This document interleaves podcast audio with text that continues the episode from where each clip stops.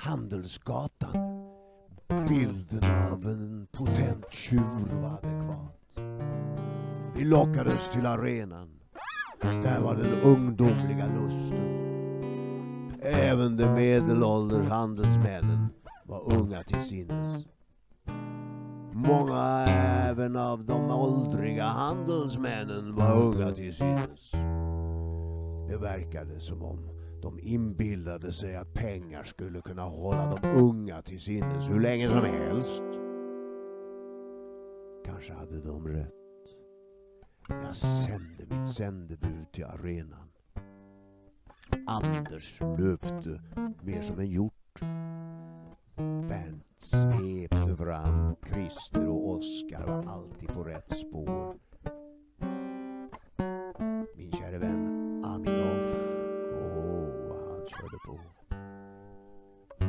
Fortsatte att känna på hur resonemangen nere på gatan gick fram emot oktober 29. Det var en lugn dag och jag hade ventilationsrutorna helt öppna och vi hörde svagt brus av storstaden nedanför oss.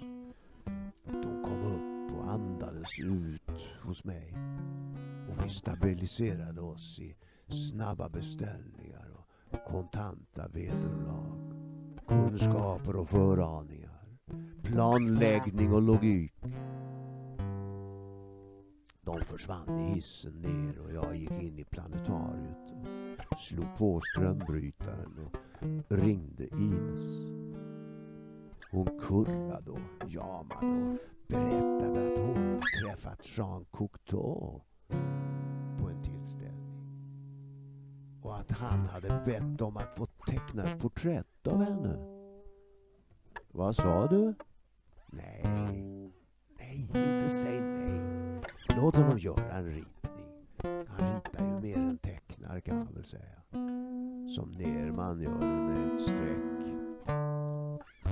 Och Josefsson, åh han var en hajare på ensträckare. Men då hade han redan blivit galen. Hur då?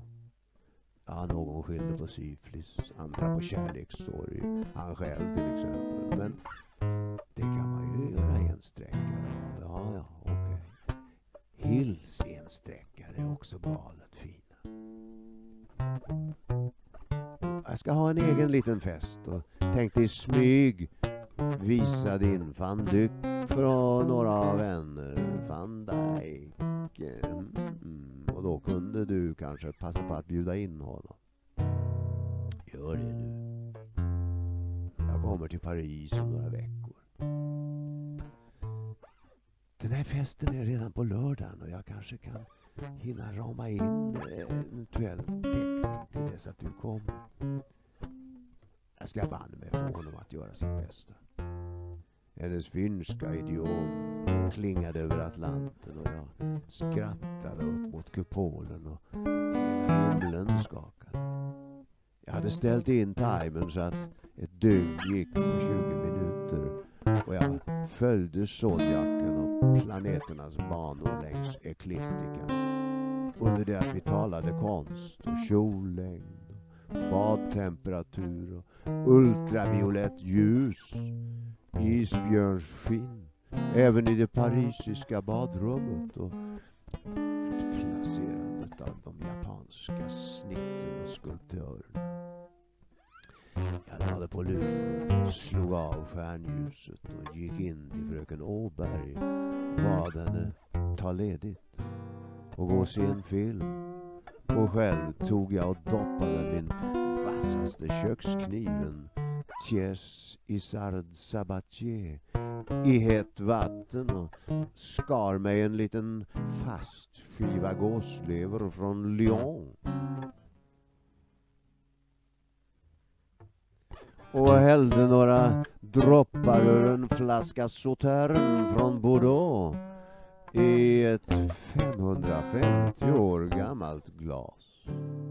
Därefter satte jag på en skiva på grammofonen och satte mig ner vid långbordet. Mr America lurade på något. Men vad? Hur skulle han gå tillväga? Det var inga andra än Vera Vi, den helagliga Birgitta och överste Ben som visste något om hans planer. Men det var nog inte lätt att få veta någon av dem. Men jag gissar att Vera Vi visste lika mycket som H. Birgitta om aktier. Armstrongs mäktiga tonkast fick mig att vrida ljusorgeln över i rött. Sancta Simplicitas.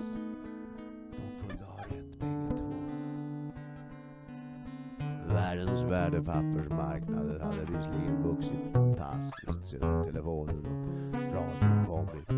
Men det var ända in i slutet av 20-talet möjligt att överskåda. Det gick att manövrera undan slumpen och det gick att manövrera undan massutsäljningen av våra debentures på två månaders leverans kom. Genom snabba informationsutbyten med mina ombud på alla börser fick jag dem att köpa upp dessa debentures. Vissa trånghuvuden i affärslivet påstod envist att jag spelade. Men det var tvärtom. Jag gjorde analyser och noggranna riskkalkyler på konventionellt sätt utan att fördöma John Laws resonemang att där är en paradox att diam Alltså, diamanters höga värde baserar sig på att de inte kan användas till någonting som helst. Under det att vatten, som inte kostar någonting, trots att alla måste ha vatten. Visserligen hade jag då och då en känsla av att ibland veta mer än vad som var rationellt möjligt. Som när jag satsade 10 000 franc på en outsider med nummer 13 ute på Longchamp. Hästen vann och ryttaren var lika förvånad därutöver som alla andra. Direkt häpen blev han när jag delade vinsten med honom. Visserligen kunde jag sitta med kortleken och lägga stjärnor. Ibland la jag en tarot, ibland en fyrfärgslek. Det var som en jugend kontra art deco. Mer eller mindre symboltyngd. Men det var mest för att ordna sambanden och pröva sannolikheter för den ena eller den andra förutsägelsen och jag ägnade mig åt dessa kortlekar och patienser. Det var med kulramen jag gjorde de precisa kalkylerna. Med abakusen. Kortleken låg där bara som en eh, minneslek. Jag var något av en virtuos på kulram. Jag hade en mängd varianter i olika utformanden. Det är rent märkligt vad man kan snabba på matematiken med en sådan. I Sydamerika såg jag att man använde ett sorts nystan med läderremmar och knutar där man gjorde snabba kalkyler i den högre skolan. Antalet stenar i en pyramid om man gjorde den och den dimensionsförändringen. En eh, kvadrat med en inskriven cirkel hade det gyllene snitt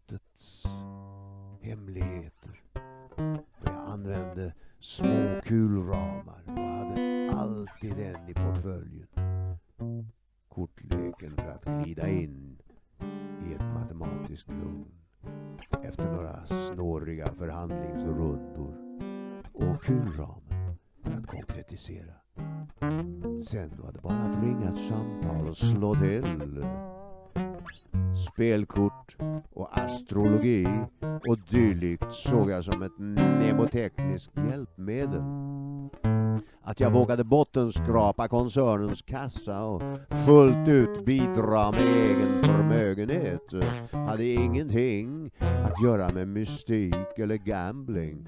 Jag var helt enkelt övertygad om att eh, det vi ägde var värdefullt nog.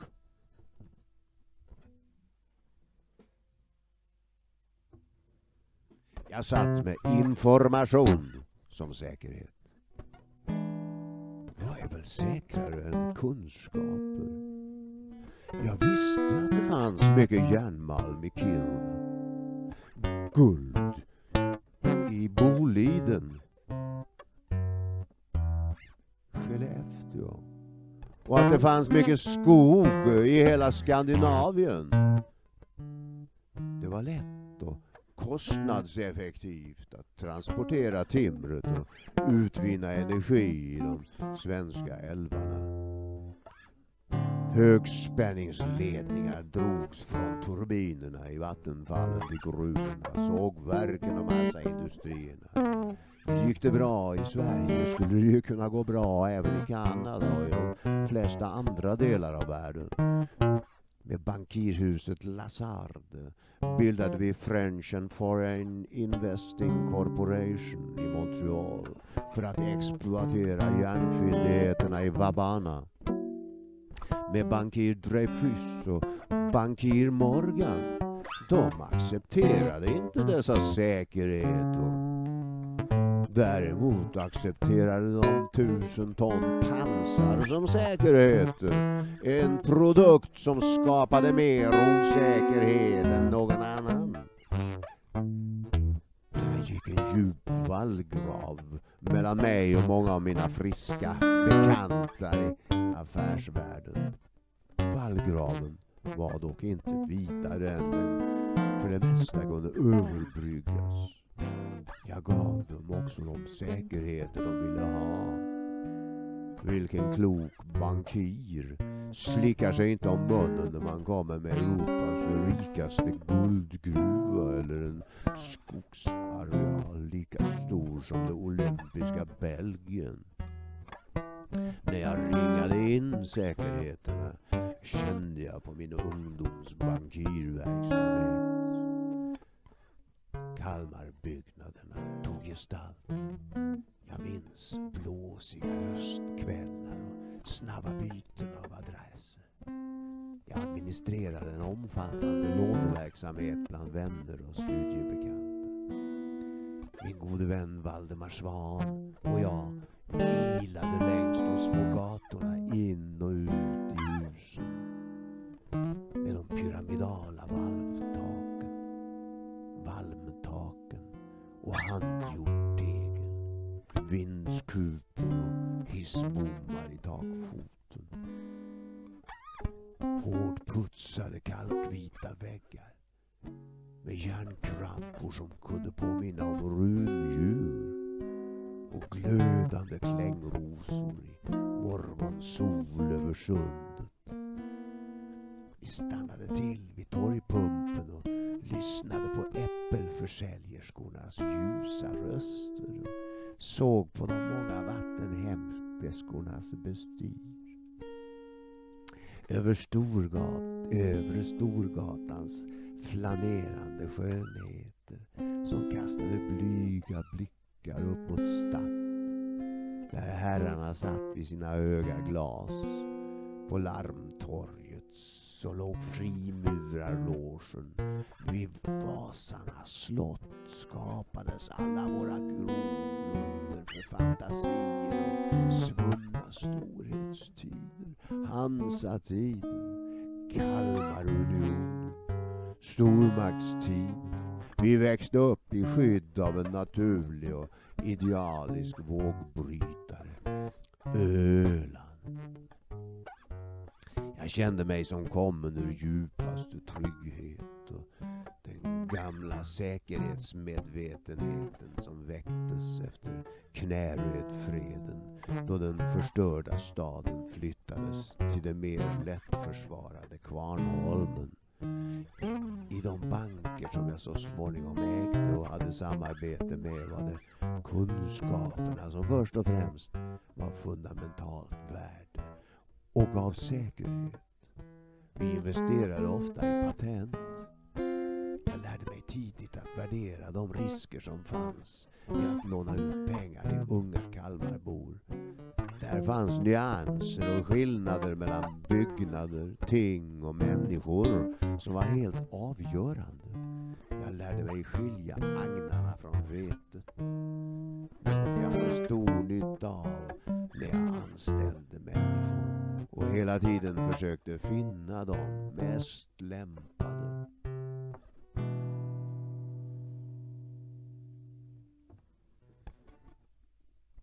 Det var så självklart att det var skrattretande. Ju bättre man lönade sina anställda, ju fler snillen kunde man dra till sig. Snillena ur de förnämsta familjerna ville ha bra betalt. Ettorna från universitetet över hela världen skrev till mig och ville arbeta inom koncernen.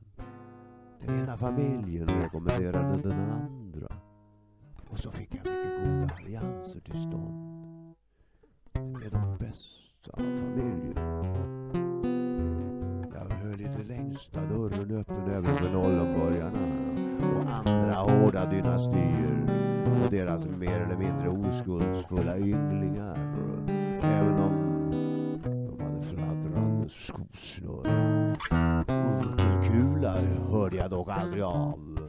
Någon glunkade om att han jobbade för Nollenborg så hade sålt sin ingenjörstitel till häradshövdingens son.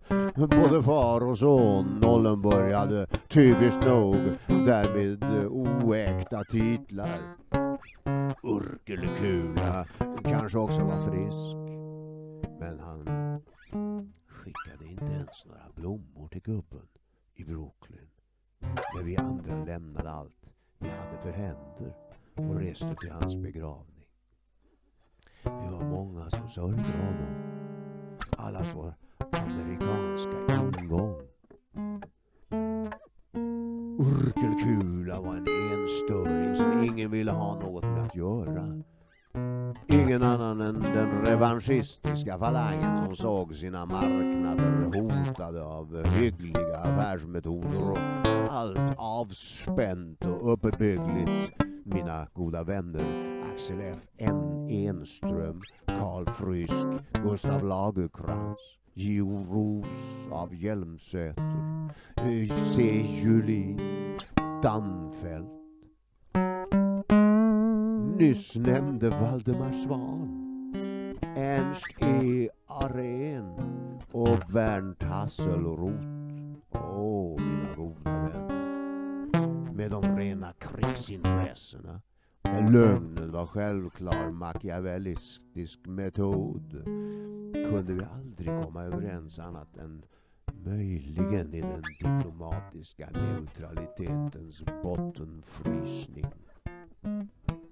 Det var som om många av dessa framstående aktörer hade sålt sin själ till en abstrakt makt. Staten, familjen, nationen, den ende guden. Med enkelspårig dogmatik högg de igenom allt motstånd och efter sista slaget var det någon feg eftersläntrare som hade överlevt och kunde ta makten. Någon överlevde alltid och kunde börja från början. Ofta i underläge och förnedring. Men efter någon generation full arrogans igen. Någon familjemedlem överlevde alltid. Nationerna föddes så på nytt och letade sin identitet i gamla sånger, texter och konstverk. Kyrkan växte i vatikansk och Wittenburgsk och Wittenbergsk makt. Staten kunde vara både Babylon och Sovjet. Sverige var ett med sin historia. Norrmännen och finnarna ville bli ett med sin. Nationella enheter med en tydlig karaktär. Vi svenskar hade ju såväl Stjärnhielm, Vasa, Gustav den tredje som Strindberg och var minsann sedan länge ett. Litteraturen bildkonsten och arkitekturen betyder lika mycket som kromosomerna för skapandet av en nation av eniga samarbetande medborgare. Jag har mött så pass mycket vanligt folk som är nöjda med sin lott. Vad än Strindberg menar. Att jag vågar tro att ett samhälle kan fungera med en nöjd bondeklass och nöjda industriarbetare samtidigt som den burgna klassen underhåller sina byggnader och kyrkan och staten bygger himlasträvande katedraler. Det gäller att se till att kroppsarbetarna har hälsa och helgdagar nog att njuta skönheten i de mer andligt aktiva konstnärernas och arkitekt arkitekternas arbeten. Leslie Urquhart hade också den visionen att skapa möjligheter till ett rikt liv för arbetarna även kring gruvhål i ödemarken. Som han också förverkligade vid Mount Isa down there, down under i Australien. Jag gjorde allt för att folk kring Boliden skulle få det lika bra. Bägge fick fy fan för detta. Av bolsjevikerna. De såg alla arbetare som utvecklingens höjdpunkt och därför behövde de ingenting annat än sitt arbete. Arbetet var livets mening och sömnen det enda fritiden borde bestå av. Jag morrade och gnisslade tänder just innan jag skulle till att somna när jag slogs av denna bolsjevikiska tanke. En nation måste ses till sin helhet. Och sedd i tidsrummet är Sverige ömsom på krigsfot och ömsom i fred. Sedan Bernadottes dagar i fred. Det vägde med Gustav den femte mot katastrof, förvekling. Men raska och kloka beslut räddade till att vi fick en napoleansk general till kung och läkare. Det var med Gustav den fjärde jag menade att det vägde mot katastrof. Men den napoleanska generalen som valdes var Sveriges läkare. Som gjorde några anatomiska ingrepp och avstympade angripna delar och han såg till att geopolitiska realiteter och krympte ner ambitionerna. Den tjänsten gjorde han därmed sina europeiska vänner att Sveriges militär aldrig mer skulle hota främmande makter. Vi var uppvuxna i den absoluta övertygelsen att det var fel att skaffa rikedom och inflytande med våld. Vi föraktade män som tog sina kvinnor med våld eller handlade med dem som boskap. Dessa våra nationella särdrag hade stärkts efter Bernadotte och i den olympiska stämningen av styrka var vi ljusa till sinnes. Samarbetet mellan svenskar hemma och utomlands bars också av en språklig glädje över att förstå varandra. Det var när man förstod vad en annan människa menade som man kunde ha överseende med hennes eventuella brister och komma vidare i praktiskt samarbete. Jag drog mig tillbaka in i doften av liljekonvaljer och den knappt förnimbara doften av mysk.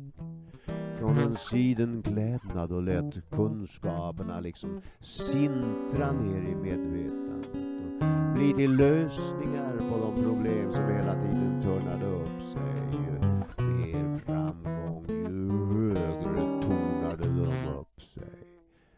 Denna bildningsprocess föraktade tyvärr professorerna och i ännu högre grad generalerna. Det var knappt att min egen bror förstod sig på den. Han muttrade om att jag kanske borde gifta mig. Det tyckte mina systrar också. Och jag försvarade mig med att ingen skulle stå ut med en man som ständigt var på resa eller satt i telefon eller var på någon tillställning med allt många vackra damer för att det skulle kännas riktigt tryggt. Kanske inte det sträckte de sig till men innerst inne ville de alla att jag skulle stadga mig. Och jag kände det genom hela livet. Det låg liksom inte i tiden att känna och tänka som Salomo eller hans hedniske men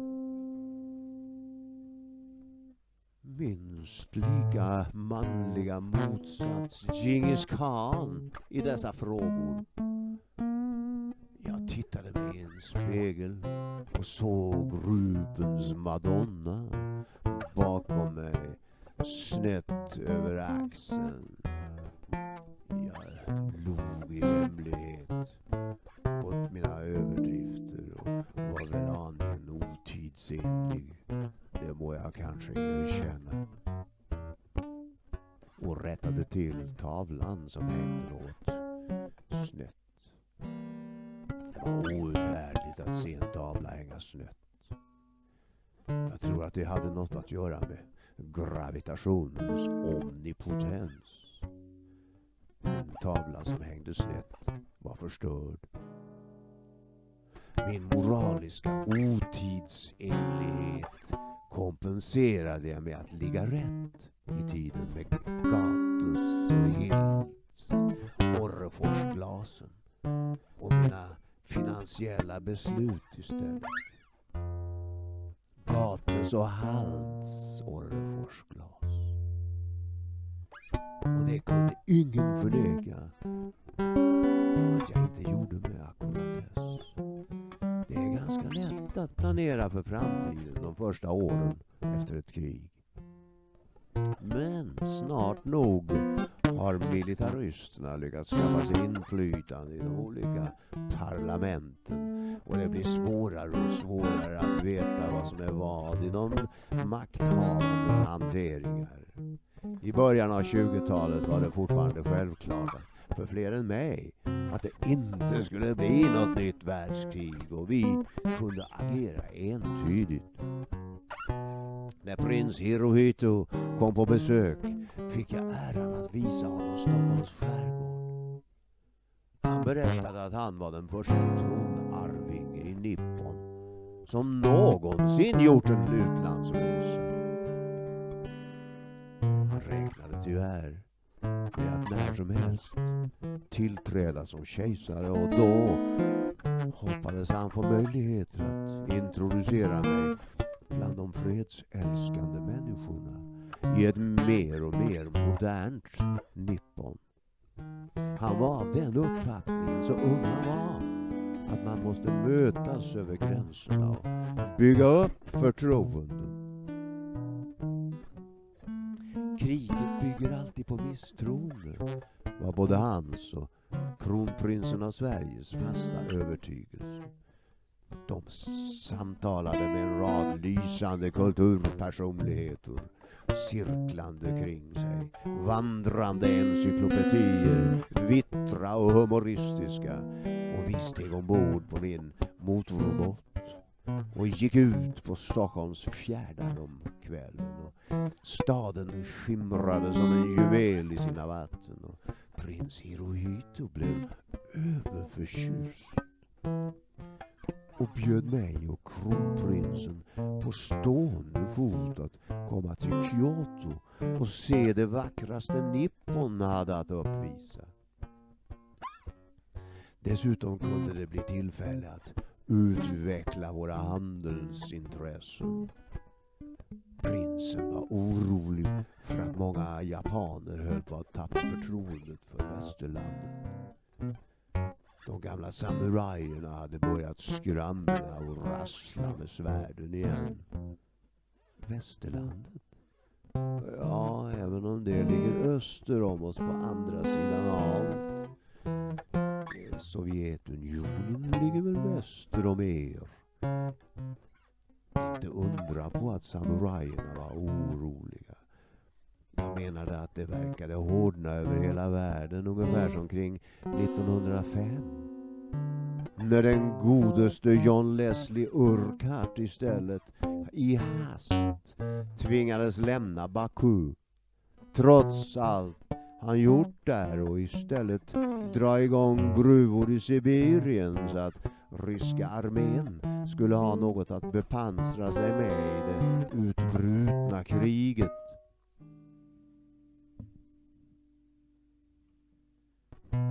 Prinsen menade att än fanns det hopp och att det skulle vara bra om jag kunde ta mig tid att komma till Nippon för att bidra till upplysningen av handelsmännen i soluppgångens rike. Under galamiddagen med dukning i en skog av importerade päronträd fulla av mogna päron presenterade jag prins Hirohito för Percy Rockefeller och andra framtidsinriktade människor och det strömmade en gnutta förtroende mellan det gamla och det nya. Amerika var det omogna päronet. Det japanska kejsardömet var det överförfinat gamla och kanske övermogna. Jag försökte som alltid överbrygga stupen och ravinerna korsade direkt efter festligheterna åter Atlanten och utredde Versaillesfredens konsekvenser i största möjliga allmänlighet för amerikanerna som verkligen lyssnade och vi lyckades eh, få ett moratorium för Tyskland till stånd. Det var flera som såg det självklara elände som rådde där. Men de kanske inte fick fram tydligt nog till presidenten. Men mig gav han gott om tid och jag kunde till min förvåning se hur lysmaskarna tog språng ute på Vita husets gräsmatta som granateld. Jag såg de historiska slagfälten. Tyskarna tvingades upplösa generalstaben skrota alla pansarvagnar och artilleripjäser, lägga ner flygvapnet och fick totalt rustningsförbud. Under det att amerikanarna inte fick dricka whisky. Men Churchill han både propagerade för upprustning och drack. Men så hade också England förlorat sitt sjöimperium. Jag misstänkte att Churchill skulle bli sur om någon kom och påpekade att det var allt för hårda papper redan i boerkriget och att det i jösse namn räckte med ett världskrig. Kolonialism är livsfarlig även för kolonialisterna. Jag behöver bara påpeka hur min morfar nära nog dukat under i kolonialism. En hemsk sjuka när han och hans broder stapplade fram i sitt paradis hade alla andra lämnat det. De var som två brödragudar utan folk.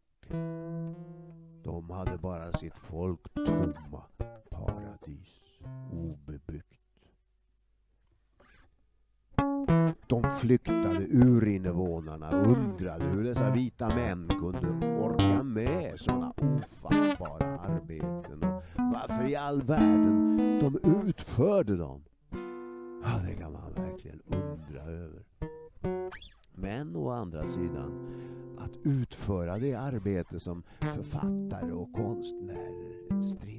Strindberg eller en Goethe utförde hemma vid skrivbordet kan ju knappast heller förklaras enkelt. Det verkar som om vi vill verka och trivs med aktiviteterna så länge de har en viss grad av frivillighet över sig. Och frihet! Kanske är det som lidelse och lidande. Vänta nu, få se här. Jag som plutokrat. Kanske har jag frivillighet och lidelse men saknar egentligen frihet och lidande. Kristus kanske hade frihet men därigenom också lidande. Väl, ja, vad spelar det för roll om du har vunnit hela världen? Om du har förlorat din själ? Kristi lidande är ett lidande för frihet. Under det att lidelsen känner man i frivilligheten. Lidelsen för litteratur. Lidelsen för det sköna. Sanningslidelse. Kanske är det i dylika frågeställningar sofisterna drunknar. Religionen övergår i filosofins hårklyverier. Och kamelerna är inte svåra att svälja. Bara de är tillräckligt analyserade. Därför kanske det måste till en del hårklyverier och andra klyverier. Som när Berzelius sitter med sina deglar och provrör. Hör du Jöns Jakob, vad är det du gör? Jag klyver luften. Klyver luften? Låter tokigt. Sken likadant? De satt och klöv upp materien i allt mindre och mindre delkomponenter. Mendels system av gener och grundämnen och Linnés alla olika växtfamiljer. Marx trenneklasser.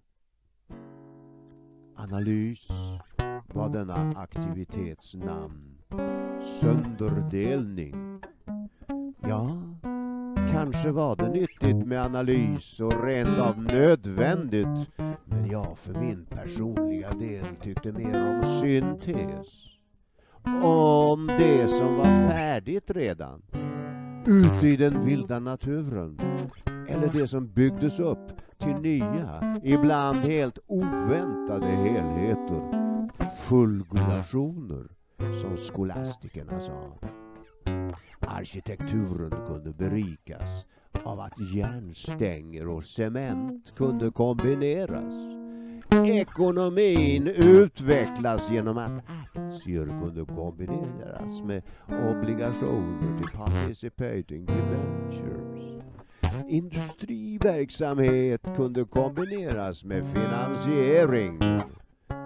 Kapitalet fick kvalitet genom att styras mot något särskilt. En ultramodern tändsticksfabrik, ett järnvägsbygge och leverans av järn till rälsen och timmer till syllarna. Så gjorde vi i Baltikum när de var igång med sina drömmars förverkligande. Om några kan de bevara sina drömmar.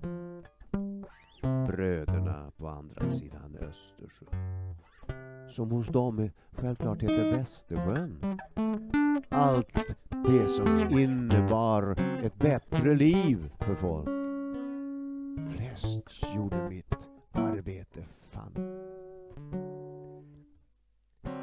Allt det som innebar ett bättre liv för folk flest gjorde mitt arbete fascinerande och jag försökte genomgående syntetisera det andra delat upp mer eller mindre frivilligt och mer eller mindre krigiskt. Jordägarsituationen var i Ungern efter imperiets sammanbrott katastrofal. Med djup nationell splittring, inbördeskrigsstämningar. Många av de urgamla jordägarna var döda och var de inte döda var de mer aktiva än någonsin och utökade sina innehav och det stod ettor mot varandra med vapen i hand och tvistade om dalgångarna och pustans jordar. Belakun och sovjeterna försökte med revolution och lyckades för några månader ta makten innan rumänska armén gick in och satte stopp för den fortsatta revolutionen. Men allt var söndertrasat efter det att kung hade förstatligat all jord utan pardon. Och den orättvisa Trianonpakten hade gjort resten för att de ungerska massorna skulle glida in i hopplöshet.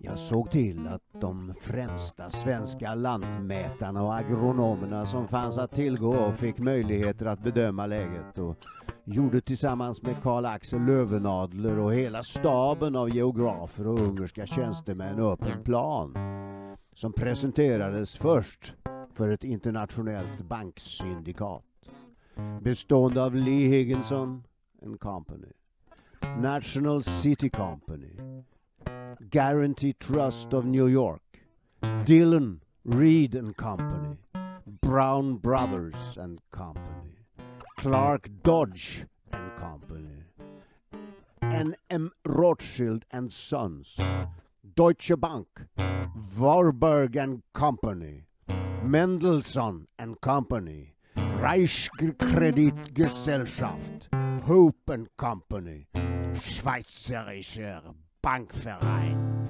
Banque de Commerce de Ballet, Pique SI, Société Générale de Belgique och sedan för regeringen i Budapest.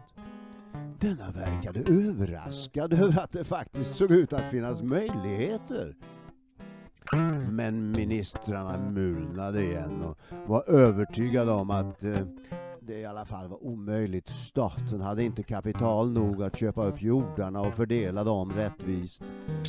Jag hade väntat mig den konklusionen och presenterade vår finansieringsplan och erbjöd ett behändigt statslån som fullt ut täckte hela projektet mot en låg ränta och monopolet på tändstickor och en eh, rad andra produkter och tjänster som vi inte ödslade tid att tala så mycket om.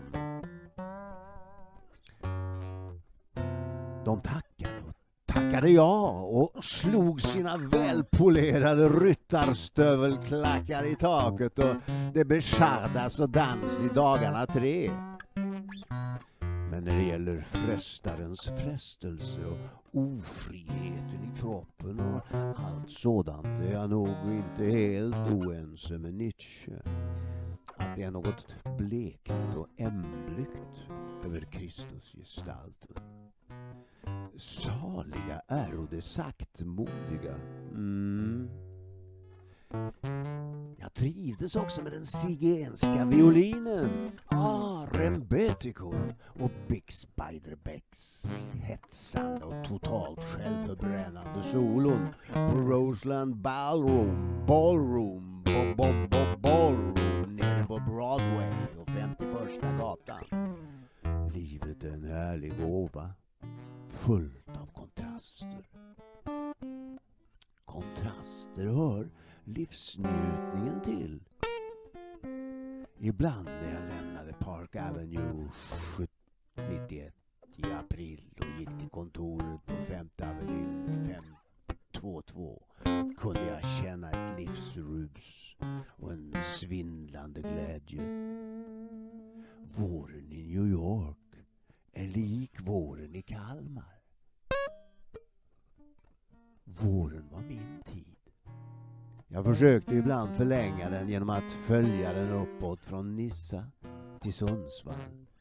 Där jag lätt transportera mig runt Alnön i den långa ljusa vårkvällen och jag hörde göken gala i söder. Jag inhandlade en härlig boning Å juniskär åt SCA som jag kunde disponera när jag hade vägarna förbi om våren. Ibland lyckades jag leva i vår nästan ett helt år. Vår först i Paris, sedan Göteborg, sedan Stockholm och sedan Kirunavaara och sedan i Johannesburg. Sedan i San Francisco med sin närmast ständiga vår och så Paris igen. Tiden förlängdes på så vis. Men det var inte många bofasta som förstod sig på det där. Lika lite som de förstod sig på att man kunde ha en kvinna i varje hamn. På så vis var jag inte särskilt eh, lik eh, eh utan mer lik sjömännen. Mer sjömän än odalbönder.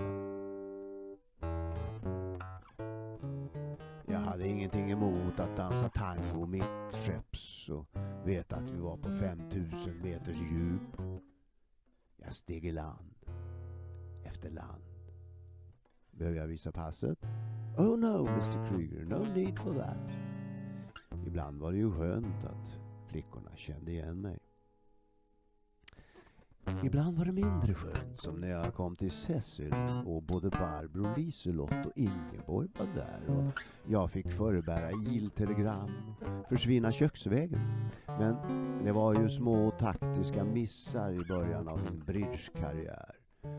Jag lärde mig snart hålla isär begreppen och benen. Gud vad det var underbart att hålla isär dem. Få vara sig själv. J.S. gjorde. Han hade väl sina ställningar han också. Men att efteråt säga jag har just skickat er man till Valamo. var en njutning jag inte kunde förstå mig på. Hur kan man finna njutning i att tyrannisera folk? Obegripligt. Sadism. Låter likt stalinism. Allitteration. Det var betydligt mer stimulerande att säga vi har just utsett er man till direktör vid en av våra sista guanobaserade kemiska fabriker i södra Chile. Var jag verkligen så utstuderad? Krig och kärlek är ju allt tillåtet sägs det. Det kanske stämmer. Men vad visste jag? Men visste jag att en kvinna var gift tog jag tydligt avstånd och om det råkade sig så att vi kom varandra allt för nära. Den kroppsliga kärleken har sina koder. Kvinnorna är inte alltid sanningsenliga när det gäller sitt civilstånd. En del söta flappers är lika fria som någonsin Marie Antoinette och uppvaktar och fullbordar möten med mer eller mindre manliga män, även havande. Inte heller män är så noga med sitt civilstånd som med sitt stånd. Förutom den ädle von Fersen förstås. Som hellre valde krig och livsfara i Amerika än stannade kvar hos den uppvaktande Marie Antoinette. Han rymde brådstörtat över Atlanten för att slippa vita lögner och eldig lust. Det skulle bli många efter honom som flydde lögner, förtryck och fattigdom den vägen. Den emigration som tog fart med hungersnöden efter det fasansfullt kalla året 1815-16 och så de fyllde så gott som hela östkusten och kustlandskapen längs de stora sjöarna bara hundra korta år. När guldruschen satte fart också på västkusten kvicknade kineser och japaner till. Vädret 1815 var lika dåligt på den asiatiska sidan, om inte ännu sämre.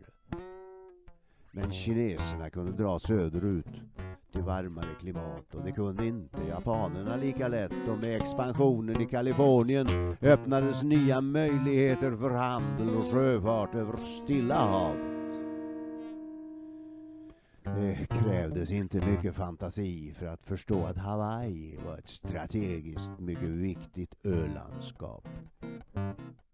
McKinley var inte dummare än att han använde sig av möjligheterna som erbjöd sig i kriget mot Spanien. Med flottans upprustning och hela den militära apparaten i sving för att annektera öarna mitt i Stilla havet. Fyrtornet för framtida handel på detta hav.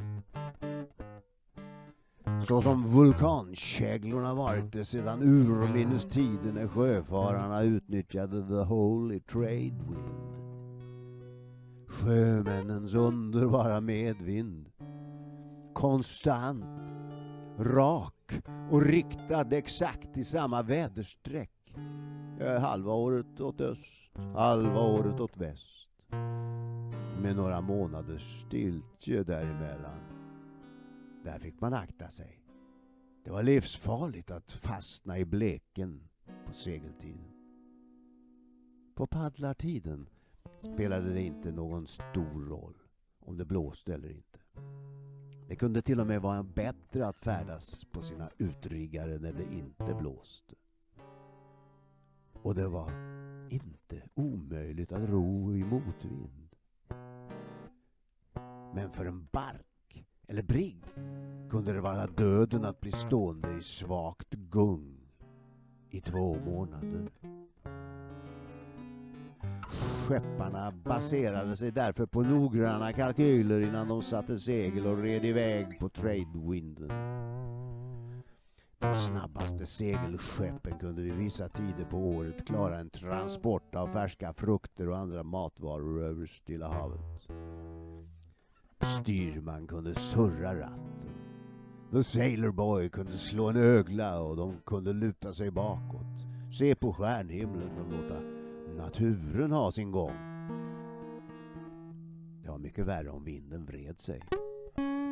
Som när orkanerna kom. Och det drog upp högre och högre och mycket krabb sjö samtidigt som molnen tjocknade och tätnade. McKinley drog på med ångbåtar och gav tradevinden fanen.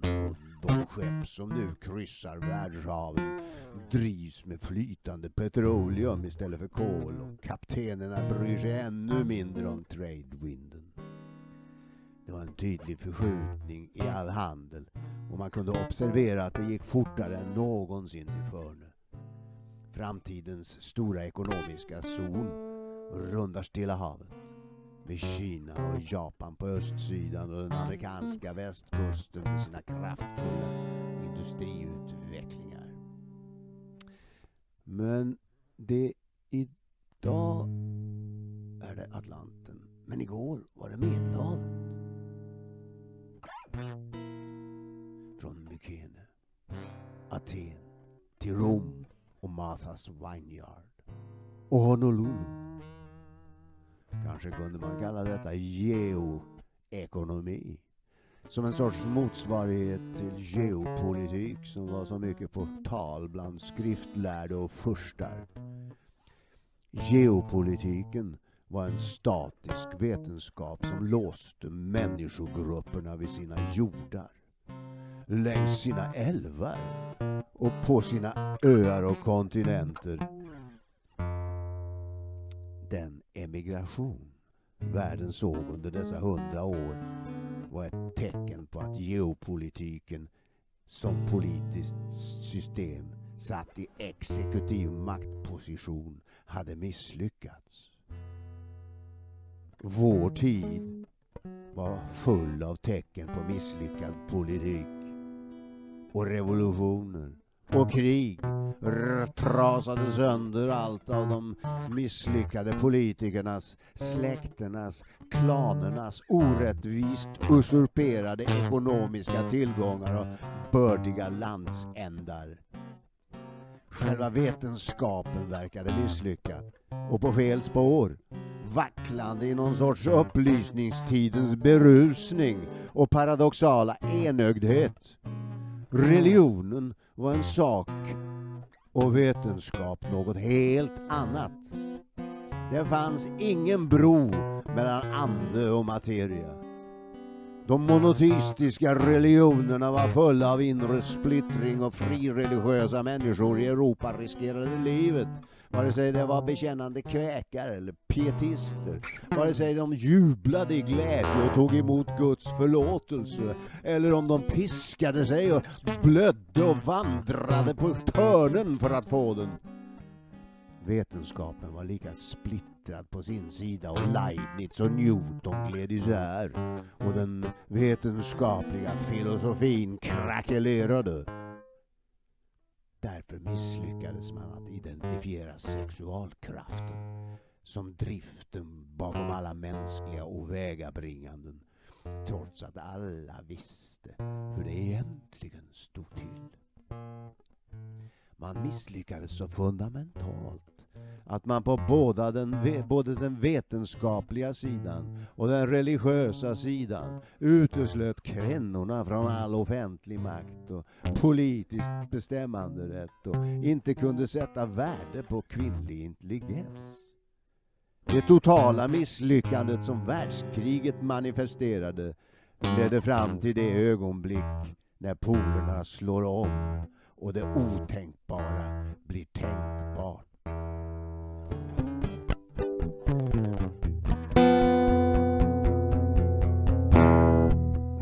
Kvinnan som tänkte själv och gick nya vägar för att nå fram till en värld av fred och sunt förnuft vågade efter världskriget stiga fram och ta mikrofonen. När unga tilltragande flappers visade sig på gatan gick det en våg av bigott folklig chock. Unga vilda kvinnor som vågade sig ut och steg fram med föreläsningar och framföranden med ord och musik. Det var en avgörande skillnad som kom med kvinnlig rösträtt med kvinnliga ombudsmän och med en bortfläkning av dimmorna runt sexualiteten som hade misslyckade upplysta religiösa tänkandet hade bortdefinierats och placerats bland det man inte kunde tala om. Det fanns unga vilda själsläkare som var mer realistiska i det de propagerade för att hålla sig tillfredsställd på det sexuella planet. Det mesta viktiga som skrivits i detta ämne hade jag samlat i mina bokhyllor. Det var fascinerande märka den försiktighet och tafatthet en hel värld av förstelnade människor uppvisade när det sexuella kom på tal. Man tystnade och förlorade greppet om sin personlighet. När det rent biologiskt pockade på blev folk som förbytta, bedrog och lögnade och mest för sig själva. En sak verkade självklar. Ju större behov man hade i sexuellt avseende, ju större komplikationer orsakade dessa behov och svartsjukan kunde bara inte undvikas. Naturligen var virilitetskomplikationerna oftast möjliga att lösa med några pumpningar av guldhjärtat. Jag pumpade rätt ordentligt och placerade försiktigt donationer här och där. Omplacerade folk, om än mer sällan från Sverige till Chile och stillade de primitiva svartsjukestormarna. Giovanni Boccaccio, humor och jag, Hermes, flög som en amorspil genom rummet. Bättre en vinge på foten än en boja. Det var allvarliga saker det där. Kärlek och pengar. Det såg man ju redan i det material damtidningarna behandlade kanske var därför som Pius den elfte uttalade sig föraktfullt om Merkurius, som romarna kallade honom, och påstod att pengar var roten till allt ont. Han grundade Vatikanstaten 29 och på Wall Street tog börskurvorna snart en sinister bana. Kanske Morgan som blixtsnabbt blev på Pius den elftes bankir var enig med honom att det var rätt att kalla den lilla isklumpen till planet man 1930 hade hittat längst ute i solsystemet för Pluto. Något en liten amerikansk flicka föreslagit i en pristävlan. De verkar också vara eniga om att kalla mig för kättare och bandit. De ville kanske att det skulle fortsätta att vara krig så den ene fick avsättning för pansar och den andra fick fler unga själar till sitt paradis. Bläddrade de i Birgittas manuskript? Eller förstod de inte att det i ett modernt samhälle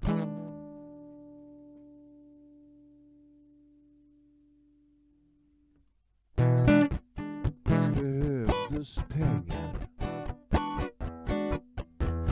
Dessa är egentligen lika neutrala som bergen eller fåglarna i luften. Det beror ju helt på vad man använder pengarna till. Den djupt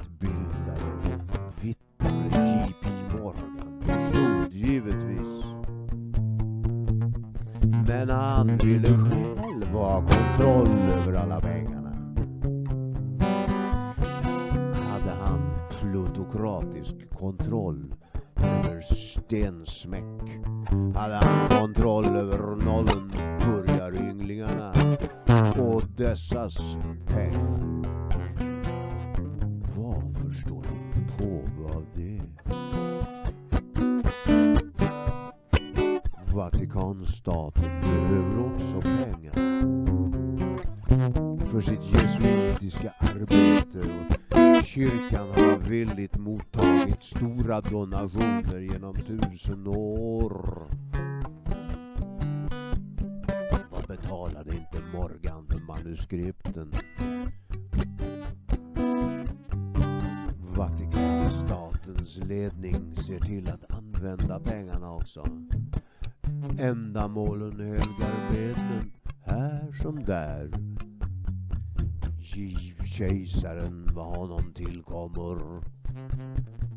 försök åtminstone se till att han använder resurserna till något vettigt. Sa Birgitta. Vi höll med.